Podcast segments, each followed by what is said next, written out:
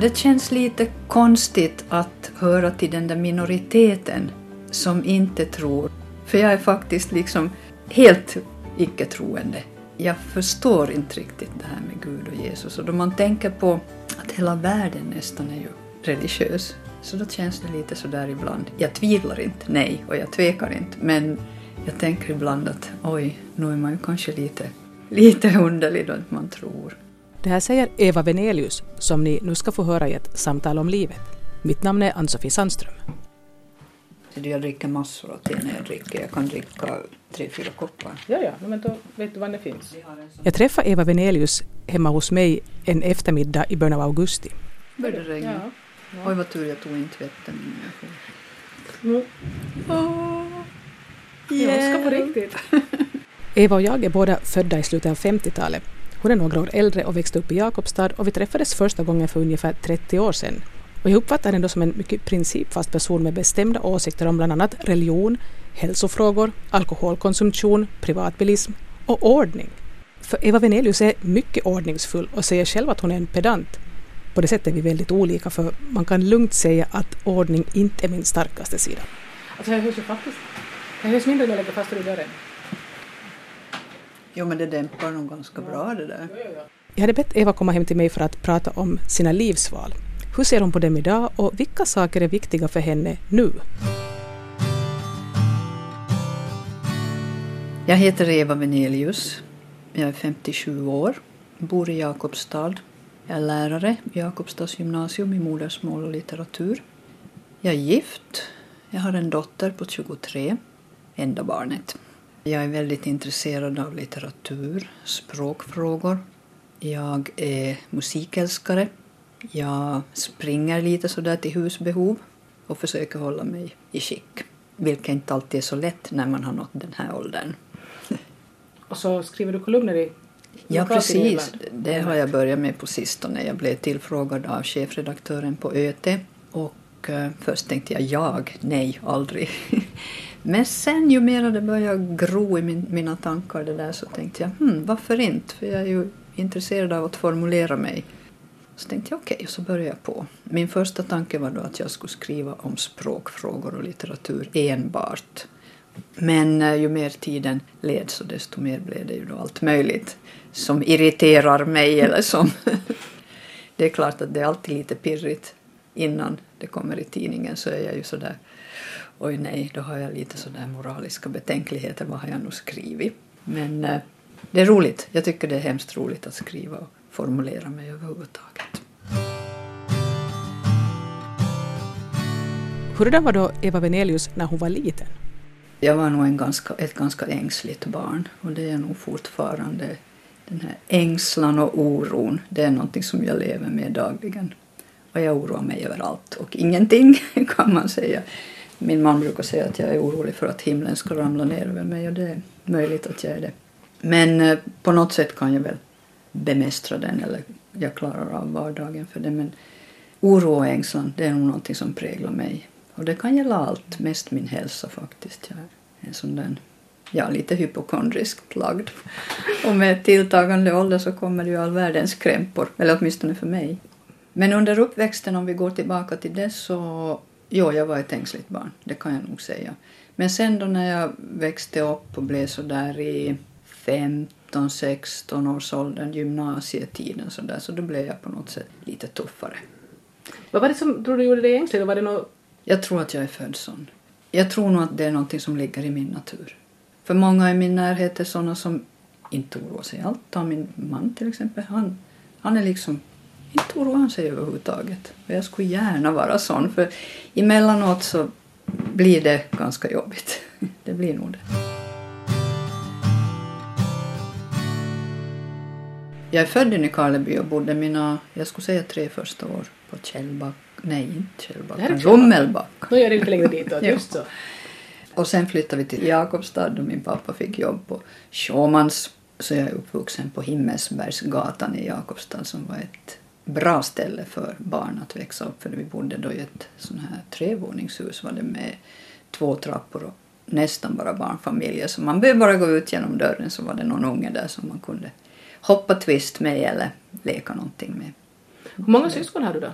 Två bröder, en yngre och en äldre. Min äldre bror är 61 och min yngre fyller 50 i höst. Alltså när en småbror börjar fylla 50. Ja. Min fyllde ju just. Allt ska man förhålla sig till. Mm, det är svårt att vänja sig vid det. Jag tycker överhuvudtaget det är svårt att vänja sig vid att bli äldre. Många säger att ja, det är så skönt om man blir så oberoende och man bryr inte sig vad folk tycker. Ja, det kan jag hålla med om att jag bryr inte mig så mycket mera. Men nog är det ändå lite jobbigt. Det är nog det. Jag kan inte säga att jag tycker det är speciellt roligt att åldras. Nej, roligt är det ju inte, men då säger de här prutthurtiga, då ska man tänka på alternativet då. Att, Jo, att inte åldras, att man liksom är död, så det är ju kanske då... Ja, det är ju sant. Det är ju sant. Men eh, ändå, nu är det lite jobbigt. Nu är det väl någon sorts sorg, att man märker att det är saker som tas ifrån en. Precis. Saker som inte man kan göra något med. Att Mm. inte man orkar med allting som förr och så vidare och så vidare. Men inte ska man ju gräva ner sig i det. Nu finns det ju någon sorts förnuft som kommer med åldern också. Det tror jag nog. Men var du sån som du då visste precis vad du ville bli när du skulle bli stor? Mm, Att du mm. hade det här att du... Nej, jag var nog mycket osäker. Det enda jag visste var att jag var intresserad av språk och speciellt svenska språket och litteraturen. Så när jag började studera så då var det nog nästan den enda möjligheten för mig för jag, jag var inte speciellt bra i skolan. Det enda jag kunde göra var att skriva texter. Essä, vad hette det på den tiden? Uppsatser. Uppsatser nu heter det essäer. Nu visste jag ju att det var det enda jag kan riktigt börja med. Så jag kände nog mig redan då som 19-åring när jag blev student ganska begränsad. Och sen blev jag ju då modersmålslärare. Men vilka Måste vägar gick du för att bli... Vart får du studera? Umeå. Jag studerade Umeå? Umeå universitet, ja. Så inte i Åbo som var det här vanliga också? Jag började i Åbo, så jag var där en termin, lite mer, strax efter studenten. Men du ville inte vara där?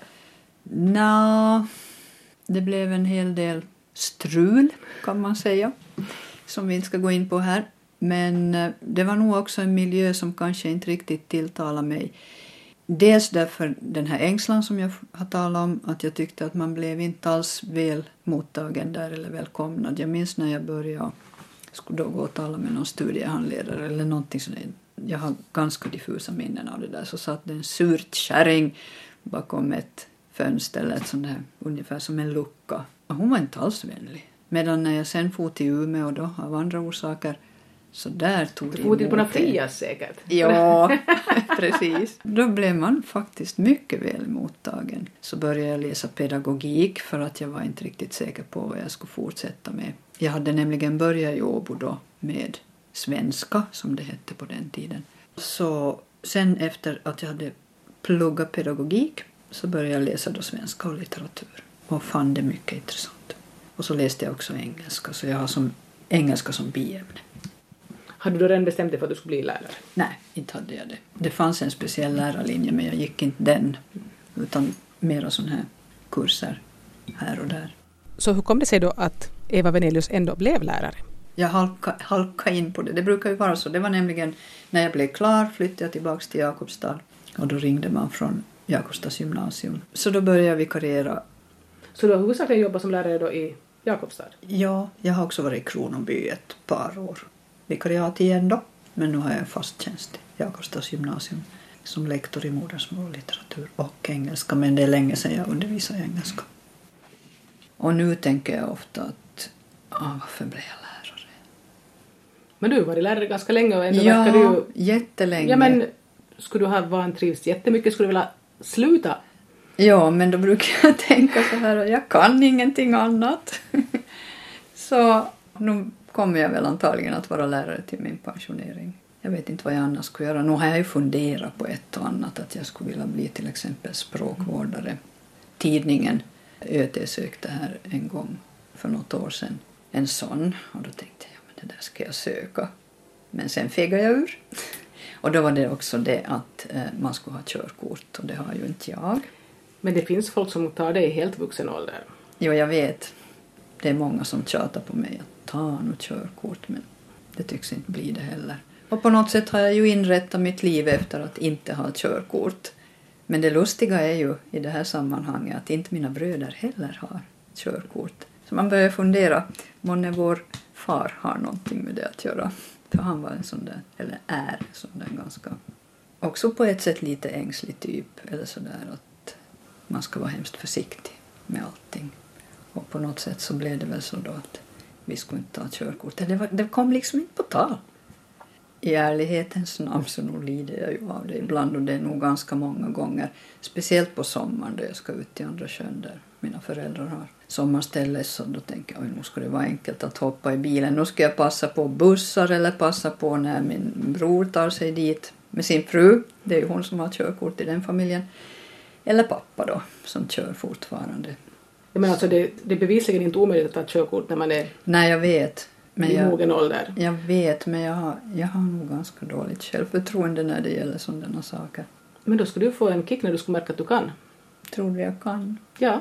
Nå, nog kanske jag skulle klara Men det är ju också det, jag är totalt ointresserad. Men om det begränsar dig vad du kan göra? Förstås, du har rätt. Alla har rätt som säger åt mig att jag borde skaffa mig körkort. Det är klart det. Mm. Mm. Jag kan egentligen inte försvara mig. Jag kan säga det att ja, jag är emot att folk kör så mycket bil och jag minns när jag var ung och riktigt radikal så slopa eller förbjud privatbilismen, sa jag då. Jo, man kan ju tycka det i teori men samtidigt Ja. så vill man ju leva sitt liv på ett någorlunda bekvämt sätt i alla Ja. fall. Jag menar, nu var jag också i princip emot privatbilismen och sånt när jag var ung. Men nu insåg jag så fort vi flyttade tillbaka hit till Österbotten att har vi inte någon bil så är vi ganska fast här. Ja, Eller som är beroende av andra människors välvilja. jo, och det kan man ju inte alltid göra. Nej, det Nej. känns nog ibland lite sådär om jag ringer och ber någon att oj, det borde inte.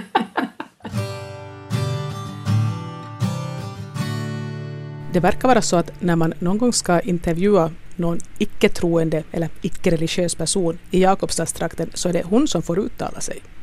Alltså jag känner ju många människor, de flesta i min bekantskapskrets är ju inte religiösa. Men de har den attityden att de bryr inte sig överhuvudtaget. Jag frågar om man då kan säga att Eva är på något vis mera aktivt icke-troende. Ja, det kan man nog säga, för jag har nog funderat hemskt mycket på det. Och för mig är det ju viktigt. Det är en viktig sak. Alltså jag kan inte bara så här slentrianmässigt till exempel eh, gå i kyrkan. Jo, jag gör det om det är någon konsert som jag vill gå på som är i kyrkan, så då går jag ju. Men inte skulle jag ju gå på gudstjänst eller sånt. Till exempel när vi har i skolan till jul så har vi alltid en sån där adventsgudstjänst, men inte går jag ju då. Och då har jag faktiskt sagt åt eleverna att den som inte hör till kyrkan behöver inte gå. Men nu var det väl så att Eva åtminstone som barn hörde till kyrkan? Jag är döpt, jag Ja. är döpt, men jag är inte konfirmerad eller jag har inte gift mig i kyrkan eller någonting sånt. Men det där dopet kunde jag ju inte göra någonting åt när jag var baby. Men eh, min egen dotter är varken döpt eller konfirmerad eller någonting. Så att, eh, det är klart vi har påverkat henne, men hon har nog samma inställning, samma, om man så får kalla det, övertygelse som jag och min man. Himmel, blixtrar. Det får elektriskt. Du hörde att det knattrade där. Oj. Mm. Men när du då inte gick i skriftskola och blev konfirmerad, hade du då redan tänkt igenom de här sakerna så pass grundligt att du bestämde eller var det Nej. bara att du inte orkade befatta dig med Nej, om jag ska vara riktigt ärlig så ville jag ju gå på läger som alla andra. Men då sa min mamma nej, att om inte du riktigt bryr dig i den här saken så får du inte gå på läger. Och då sa jag, nå fan, då går inte jag nå då. Men då blev jag på något sätt, det kommer jag ihåg, då mamma sa just det där att nej, inte någon skriftskola för dig om inte du kan gå vanligt så här på vintern. Så då kom jag på något sätt till insikt nog, nej men mamma har ju alldeles rätt. Att nu var jag så icke-troende på den tiden redan, men på något sätt hade man ju hört hur roligt det skulle vara där och man sprang upp på nätterna och ja, det var ju ett sånt här liv som kanske lockade lite, lite spännande sådär. Men Så föräldrarna nöjde sig då alltså med att Eva inte alls gick i skriftskola när de inte ville att hon skulle gå i lägerskriftskola. De försökte inte liksom övertala henne på något vis. Nej, nej, absolut inte. Absolut inte. In, inte de heller religiösa. Pappa är nog den minst religiösa människa jag känner nästan. Men du hör till kyrkan? Mamma hör väl av slentrian Mm. kan man säga, men pappa nej, nej. Nej, det är nog länge sedan han har hört till kyrkan. Och sen Eva Venelius blev myndig har hon inte heller själv hört till kyrkan. Vi pratar om det här att många som fortfarande hör till kyrkan antagligen inte är speciellt troende. Och sen tror jag att det är många som vill gifta sig i kyrkan. Men jag måste ju säga att Jag tycker det är fel att om inte man är troende så inte ska man gifta sig i kyrkan då heller. Men jag vet att många tänker på stämningen och det är fint och det är vackert och ja, det kan jag nog också tycka men mitt samvete säger att nej, inte skulle jag kunna tänka mig att gifta mig i kyrkan då när det begav sig. Nu har jag ju som sagt haft turen att inte ha sådana föräldrar eller överhuvudtaget släktingar som på det sättet har brytt sig. Men, men man verkar ju åtminstone ha pratat om trosfrågor hemma hos Eva när hon växte upp. Jo, nu gjorde vi det och sen hade jag ju en, en väldigt religiös farbror som var adventist och honom var jag ju påverkad av i andra saker. Han var en sån här Freak kanske man får säga nu för tiden men eh, han påverkade mig nog så att jag blev vegetarian och, och sån här hälsokostare och allt vad det nu innebär och innebar. Men eh, hans religion den gick jag ju inte med på och han var aldrig en sån som försökte missionera eller på något sätt påverka mig och mina syskon. Det, det var aldrig fråga om något sånt. Men vi kom bra överens för det. Och han var en mycket märklig man som jag tog mycket intryck av. När det gäller folk som är religiösa och är troende på alla möjliga olika sätt, det behöver inte bara gälla kristendomen. Så okej, okay, jag respekterar det men jag har nog väldigt svårt att förstå hur man till exempel kan tro på jungfrufödsel och allt möjligt som hör till religionen. Och det känns ju lite sådär, vad ska jag säga, det känns lite konstigt att höra till den där minoriteten som inte tror, som inte överhuvudtaget tror. För jag är faktiskt liksom helt icke-troende. Jag förstår inte riktigt det här med Gud och Jesus. Och då man tänker på att hela världen nästan är ju religiös.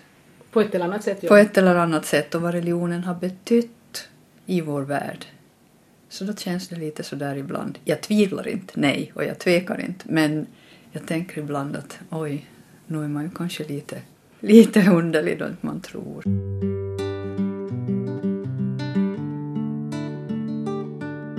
Du lyssnar på ett samtal om livet med Eva Venelius i Jakobstad.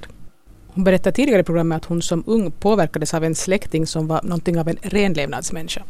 Jag greps totalt av den här hälsotrenden som var då på vad ska vi säga, 70-talet. Jag var nära på vegan, men inte riktigt. Jag var väl det som man kunde kalla laktovegetarian och nu är jag fortfarande i princip, alltså jag äter aldrig kött, men jag har börjat äta fisk. Vad var det som fick henne att börja äta fisk då? No, dels var det det att min farbror då, som hade varit vegetarian länge, fick cancer. Och då på något vis så raserades hela min tro, för det var en tro jag hade att man ska äta naturligt, man ska inte använda sig av alldeles för raffinerade livsmedel, socker ska man lämna bort, och du vet godis, bullar, kakor, allt det där så jag var jättestrikt, jag åt inte ens glass. Men sen då som sagt så drabbades min farbror av cancer, det var nog någonting med tjocktarmen tror jag. Jag minns Så du märkte att det var inte en nej, det var, garanti för att man nej, skulle det var inte få det. cancer? Nej. Och då på något sätt så... Jag blev besviken kan man säga. Då försvann min tro på hälsorörelsen och överhuvudtaget. Men eh, nu tror jag ju fortfarande på det. Alltså att man ska försöka äta giftfritt och man ska försöka äta bra och sånt. Det tror jag. Men det spelar inte så stor roll i mitt liv mer som det gjorde då. Nu unnar jag ju mig alldeles för mycket faktiskt. Sötsaker och sånt. Och choklad är ju min passion. Mm. Men nu just försöker jag faktiskt hålla upp helt och hållet. För jag är en sån som tar jag en bit av en chokladkaka så vill jag ha mera. Jag kan äta upp en hel sådär bara. Men jag har märkt att det är mycket förknippat med ställen jag är på. Till exempel om jag är på sommarställe så då, då på något vis då lättar man på det där strikta och nej men här får jag äta lite. Det är väl det där att man unnar sig, man tycker att nu då jag är här så får jag. Men jag får ju dåligt samvete. det är kanske det som plågar mig ja, mest. Det mår man ju inte så bra av att ha heller. Nej, det gör man inte. Men i alla fall om vi går tillbaka till min farbror som dog då, det är ju länge sedan, 92 dog han. Så då försvann min tro på hälsokost, det kan jag säga. Och sen småningom fick jag hälsoproblem själv. Och då sa min pappa, nu ska du börja äta fisk. Så då började jag faktiskt och det är kanske tio år sedan. Mådde du bättre av att äta fisk? Inte vet jag om jag gjorde det, inte kan jag påstå det. Men eh, det var ju gott. Eller det är ju gott med fisk. gott. Mm. så ja, jag minns nog den där dagen, det var en sommardag. Och då hade han, tror han hade rökt abborre eller någonting. Och då prövade jag och jag tyckte, mm, gott. Hur länge har du då varit utan att äta något? Ja, alltså jag blev vegetarian 1976 på nyårsafton. Oho, ja. det var ett där nyårslöfte. ja, det var det. Och sen dess har jag då inte ätit alltså kor och grisar och sånt. Och sen började jag äta fisk då för kanske en tio år sedan. Och det var i samma veva då, 1976, som jag slutade dricka Har du någon alkohol. hunnit börja dricka då? Nå, lite grann. Nej, nu låter ju det här som jag ska vara värsta Kan ju storkonsumenten. inte konsumera så himla många år i det skedet för du var väl då bara Nej, 20. så att Nej, nej, det var ju inte så, men nu hade jag ju varit med i svängen. Men då bestämde jag mig också att nu ska jag sluta med det. Och det var faktiskt en händelse som fick mig till det. Ska man nu säga det i radion, men det var midsommarafton 1976. Så stod jag i vår båt, eller min då blivande mans båt och spydde av att jag hade druckit för mycket. Och då bestämde jag mig, aldrig mer. Och jag minns på den tiden då man var med i gänget och drack att inte mådde jag någon gång bra av det. Men jag var tydligen ganska känslig för jag behövde inte dricka så hemskt mycket så började jag må dåligt, speciellt dagen efter. Men, Men du, har, sen, inte- du har inte testat hur du skulle reagera på ett glas vin nu? nej, jag är nog riktigt totalvägrare. Okej. Det Mm. finns ju folk som har sagt åt mig att Eva, du skulle nog må bra av ett glas och då blir jag ju nästan förbannad. Men det är en livsstil, det är en princip som jag har. Jag dricker inte alkohol, punkt slut. Men sen har jag börjat fundera mycket på andra aspekter också, inte bara det här med hälsan och så vidare, utan dels det här att eh, jag vill ha kontroll. Jag är nog lite sån här kontrollmänniska som vill ha kontroll över det mesta. och Det är ju omöjligt. Men du vet hur det är när man dricker, man tappar kontrollen ibland. Det gjorde jag åtminstone i 15, 16, 17 års åldern och det var inte alltid så kul efteråt när man tänkte på vad man hade sagt och gjort. Eller vad man och- kanske hade sagt eller vad man inte Precis. mindes vad man hade sagt Ja. och åt vem. Ja. Och, Det är klart att inte skulle det behöva vara så idag. Men det som stärker mig i min uppfattning nu och min, ja om jag så får säga övertygelse är ju det att man ser så mycket elände som alkoholen ställer till med. Och det är nästan så det räcker för mig. Jag vill som inte delta i det här. Jag, jag vill inte understöda en sån kultur och jag vill inte understöda missbruk. Det låter kanske lite konstigt att säga så men eh, för mig spelar det ganska stor roll. Jag, jag blir mycket, mycket sorgsen när jag ser uteliggare och så vidare. Jag tycker att det är fruktansvärt sorgligt. Och när jag läser också i tidningen om hur mycket pengar sjukvården slukar som är orsakade av alkoholmissbruk så jag tycker det är alldeles förfärligt. Och det är ju så synd här i Finland. Du vet det här med hur man har haft en sån här kultur att man ska dra huvudet spänt ungefär på lördag och dricka en Koskenkorva och allt det här som säkert är klichéer. Men nu har vi då fått den här finkulturen med vinprovningar och allt sånt här dessutom. Men jag tror, jag tror inte att den kommer att ta över helt och hållet så att folk börjar dricka som man gör i Italien, Spanien, Frankrike. Utan man har dessutom det här brännvinet då. då får du mycket då liksom sura kommentarer av folk att Ja, det händer nog. Just den där som jag sa just att nu skulle du må bra av ett glas. är det för att människor då tänker att då är du en som, du är ett vittne till vad andra såsar på med. Det Jag är, vet inte vad de menar, men de menar kanske att just det här att jag borde lite tappa kontrollen. Men faktum är att jag kan ha roligt utan att dricka, men jag märker ju att det är många som inte kan det. en annan fråga som jag ofta får är ju den här varför dricker du inte? Och då brukar jag ju säga varför dricker du? Här i landet så är det nog lite provocerande ja. Det är lite, jo, Ja. jag har märkt det. Jag har märkt det. För att det är ju ganska sällan folk frågar varför dricker du? Men faktiskt hände det mig en gång. Jag var på en sån där bättre fest för kanske tre, fyra år sedan. Mycket folk och då satt vi där med någon som började bli ganska dragen då vid ett tillfälle och så sa han åt mig varför dricker inte du? Men så var det som han skulle ha kommit på sig. Så sa han nej men varför frågar jag det? Inte har jag ju någonting med det att göra. Det var som han skulle ah, det här var en dum fråga och det Mm. var det. Mm. Vi pratar vidare om det här med möjliga orsaker till att folk dricker alkohol och röker trots att man vet att det är farligt. Och så kommer vi återigen in på det här med Evas farbror som trots att han var vegetarian och levde jättesunt så fick han cancer i ganska unga år och dog. Det finns inget sätt att kontrollera det där. Men då måste man ju tänka på hur mår jag av det här? Den tid man har här så måste man ju försöka ändå. Alla vill ju må bra, alla vill uppnå någon form av harmoni i sitt liv. Kanske inte om man är ung, då vill man vara lite mer, mer att det ska vara mera turbulens, men åtminstone jag är sån så jag är väldigt, jag tål stress väldigt dåligt. Börjar fort må dåligt om jag är stressad. Det är nog en av mina svaga punkter också. Så då skulle jag ju gärna ha den där kontrollen, att kunna kontrollera den här stressen. Men jag, jag blir lätt stressad. Men det är kanske det som många gör som tar sina några glas vin. Att Mm. det, man går ner i varv och man Ja, liksom, det tror jag. Eller det vet jag ju. Mm, man bryr sig det- mindre om det här Ja. som kanske pärtar just då. Ja, Så det är väl någon form av stresshantering, ångesthantering. mm, jag man- tror ju att det är det.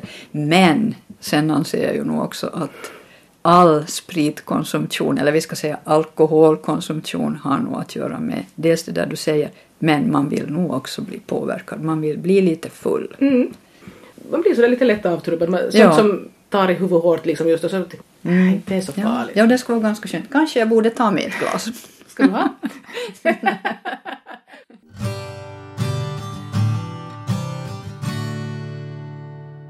Du lyssnar till ett samtal om livet med Eva Venelius från Jakobstad. Och hon berättade här tidigare att hon inte har ätit kött och inte druckit en droppe alkohol sedan 1976. På sätt och vis beundrar jag någon som kan bestämma sig för en sak 1976 och hålla fast vid det. Men det är jag själv, jag skulle aldrig gift mig, ja. Men det har med jag att göra. Men jag skulle aldrig ha barn. Men som Eva berättade i början av programmet så har hon en 23-årig dotter. Hon är, får man säga så här, mitt allt. Det var nog en mycket omvälvande händelse i mitt liv när jag fick barn. För jag hade som sagt bestämt mig, för jag var ju så där då, den här hemska världen, hit vill inte jag föda några barn och det finns tillräckligt med ungar här i världen. Jag kunde tänka mig att adoptera. Vad var det då som fick Eva att ändra sig och bli mor trots allt? Det var ju nog min man som tjatade. Det brukar ju ofta vara så att kvinnor som tidigare har sagt att de inte vill ha barn plötsligt får en sån rent fysisk babylängtan. Känner du själv någon sån där fysisk längtan efter att Nej, mor? nej, det kan jag inte påstå att jag gjorde. Men min man lyckades övertala mig för han sa att du kommer att ångra dig. Vad tror du att du skulle ha ångrat dig om inte du skulle ha haft barn då? Inte kan jag säga det. Inte det alls säkert. Men hur var det då att bli mor? Jag var ju orolig förstås. Hela min graviditet var jag orolig. Tänk om inte hon har... Jag visste att det var en hon nämligen. För jag var inte en sån här som inte ville veta. Jag ville veta så fort som möjligt. Är det en flicka eller en pojke? Jag ville vara förberedd.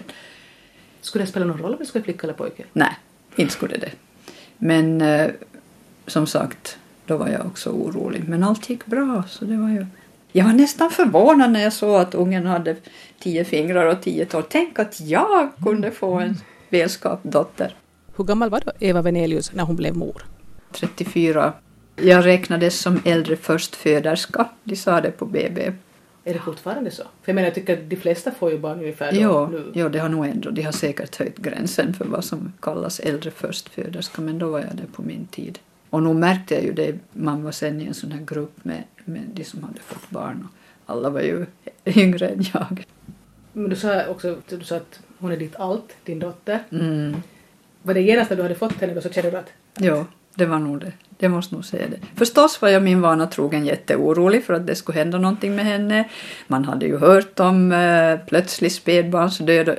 Ja, som jag sa innan, jag oroar mig för allt man kan överhuvudtaget oroa sig för. Men allt gick bra. Hon betyder nog väldigt mycket för mig och vi är, vi är ju lika och vi diskuterar allt mellan himmel och jord, mest litteratur och, och språk. Sen är det ju lite svårt att släppa taget. tror du det är svårare för att hon är enda barnet? Ja, jag tror det är nog, det är nog så. Men var det inte så att hon får ganska tidigt och studi- och började studera på annan Ja, ort? ja, hon studerade ju i Vasa, gick gymnasiet, IB-gymnasiet i Vasa, så då hade vi ju en lägenhet, hyrde vi en lägenhet åt henne i Vasa. Och då var hon ganska ung alltså? va? 16 här Ja. får. Ja. Och du släppte ju henne? Jag måste. Hon hade bestämt sig att hon skulle till IB i Vasa och jag var nog sådär lite, ska du verkligen? Jopp, det var som mitt där hade jag ingenting att säga. Eller klart jag hade att säga men å andra sidan har jag nog alltid ansett att barn ska nog få göra som de vill i det fallet. Inte kanske när det gäller andra saker i uppfostran men, men när det gäller val av studier och sånt så då tycker jag nog att jag brukar säga det åt mina elever också att man ska göra det man vill. Även om man kanske inte har framtidsutsikter med jobb och så vidare. Men det kanske kommer ändå. Man vet inte hur framtiden kommer att Nej, bli. man vet ju aldrig det. Ska man då satsa på något som man hatar bara för att det just nu har Nej, framtidsutsikter så kan det ändras så har man Ja. i alla fall. Ja. Och Evas dotter studerar det som hon är intresserad av, det vill säga språk. Så det har hon liksom Ja, ja, ja, det är klart språk. att hon har.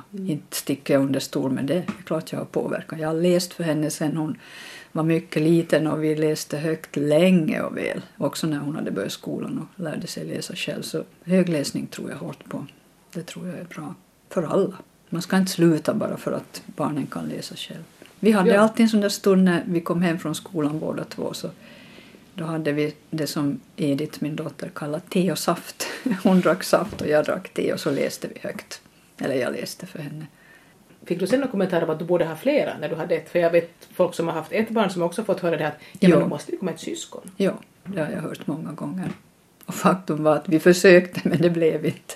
Och min dotter säger ju ja, jag skulle haft ett syskon. Men det gick som det gick.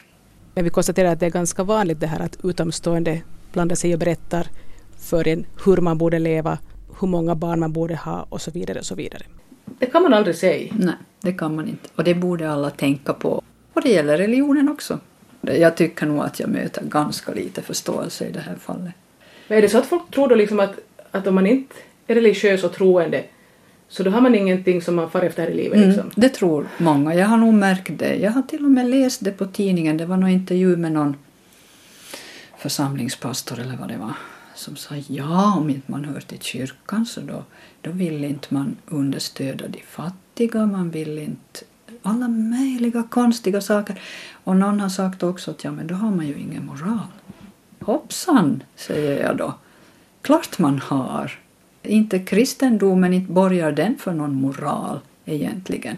Man måste ju tänka själv och komma fram till vad man står för, vad ens egen moral är. Och jag tycker att allt för sällan tänker folk själv i den här frågan. Utan det är som jag sa förr, det är slentrian och det man följer bara för att det står i Bibeln eller sånt här. Jag har haft elever i skolan som har sagt att de kan inte gå på teater för det strider mot deras religion. Mm. Och då blir jag ju... Då vet jag att många lärare tycker okej, vi bråkar inte. Men då ställde jag den här eleven mot väggen och frågade varför inte. Inte kunde hon riktigt förklara det här. Hon sa att ja, det kan bli en avgud. Hur då, frågade jag. Men det kunde hon förklara. Men det är klart, hon var ju ung och var förstås bara påverkad av sina föräldrar och så vidare. Men nu tycker jag ändå att man måste försöka tänka själv. Vi tog en liten paus medan jag bytte batterier i min inspelningsapparat och vi kom in på det här med att man med tilltagande ålder har lättare att acceptera att folk är som de är och man har också lättare att acceptera sig själv sådan som man är. Ja, men jag är nog pedant. Av födsel och ohejdad vana som det brukar heta. Jag, jag är nästan så där så jag får, jag, jag får i nerverna Mm. om det är oordning. Jag, det är Men du nästan sjukligt ibland. då jag har det här då, men du behöver Jo, folk får ha precis hur Mm. rörigt och råddigt de vill. Men jag måste ha ordning. Och det, det är också en sån där sak som kanske lite begränsar mitt liv. Och nu förstår jag när du säger att inte händer det någonting fast det är oordning. Men jag kan inte, det är som i min natur. Jag vet inte, jag kan gå så långt så jag plockar upp hårstrån från golvet. Oj!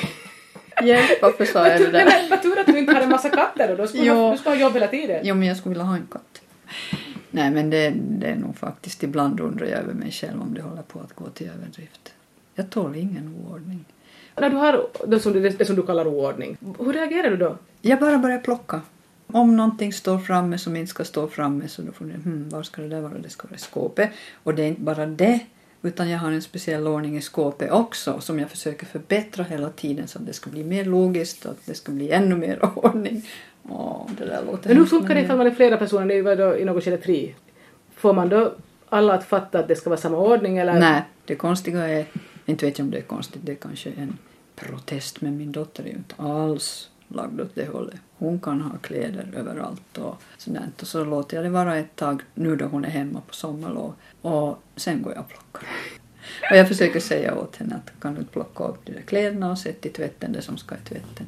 Jo, jo, säger hon, men så är det ändå jag som gör det. Så hon är kanske inte funtad riktigt som du? Nej, hon är inte det fast hon är på många sätt ganska lika men inte på den punkten, nej. Men att vara pedant är inte alltid så lätt heller. Jag har till och med någon gång försökt lägga band på mig. Att låt det vara lite slarvigt, låt det ligga fram saker. Men så efter en stund är jag där igen och plockar. Det... Det är väl ungefär lika svårt som att jag skulle försöka ha allting undanplockat. Ja, det är väl Att det. jag kan med oändligt stor ansträngning få något hörn någorlunda i ordning. Men det stör mig och jag får, liksom, jag får på något vis bli nervös av det. Jag vet inte, Mm. Det känns konstigt. Ja, men då är jag precis tvärtom för jag blir nervös när det är oordning. Klart att en massa tid går åt till att Söka söka. Men åt det, åt Mm. det går det en massa tid åt till att, till att ordna. Så, att- det är väl samma sorts waste of time för båda kanske på olika sätt. Du har nämnt din ängslan ganska många gånger. Skulle du säga att det är en sak som har påverkat dig mycket i vilka val du har gjort här i livet? Ja, delvis nog. Inte helt och hållet, men nog till en del. Ja, det kan man nog säga. Vad tror du att du skulle kunna tänkas ha gjort annorlunda ifall du inte skulle vara ängslig? Rest mera. Har du inte rest? Inte mycket. Jag avskyr det. Alltså jag är gärna på ställen, jag, jag ser gärna världen men det där resande, flygande, tåg, passa bussar, ängslan över att man ska föra fel eller... Och det är så obekvämt. Vi var till USA här för förra hösten på ett 50-årskalas och gud vad det var obekvämt till det där planet. Och länge skulle man sitta. Men man måste ju inte resa. Nej, man måste inte. Men det är ju det som ligger i tiden och det är ju det som folk värdesätter nästan allra mest. Många människor Ja, tycker det gör det, det, det, att resa det, det är liksom livet. För många har jag märkt.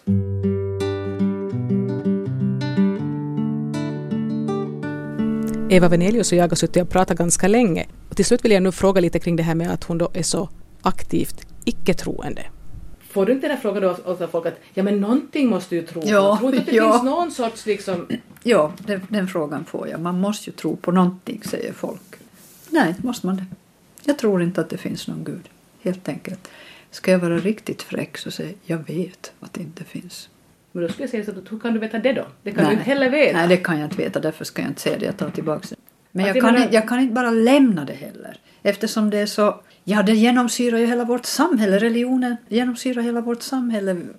De flesta är, speciellt här i bibelbältet, är ju religiösa. Och Jag kan som inte bortse från det heller. Eller okej, jag kan tycka det har inte något med mig att göra. Men jag tror ändå att man på något sätt måste förhålla sig. Och mitt förhållningssätt, min inställning är- är då att jag inte tror. Men det är klart, inte kan jag säga att jag vet att det inte finns någon gud. Men jag, låt oss säga så här, jag är ganska övertygad om att det är så. Jag tycker man behöver bara se på världen. Det kan ju hända att det är en gud då som har skapat oss, vilket jag ju inte heller tror, och skapat världen och du vet allt det här. Och sen inte bryr sig, som deisterna säger, men det låter inte trovärdigt heller. Det som jag tycker är viktigt, jag har upprepat det många gånger, tänk själv! Man måste tänka själv. Det är inte så lätt att tänka. Nej, det är inte så lätt att tänka själv.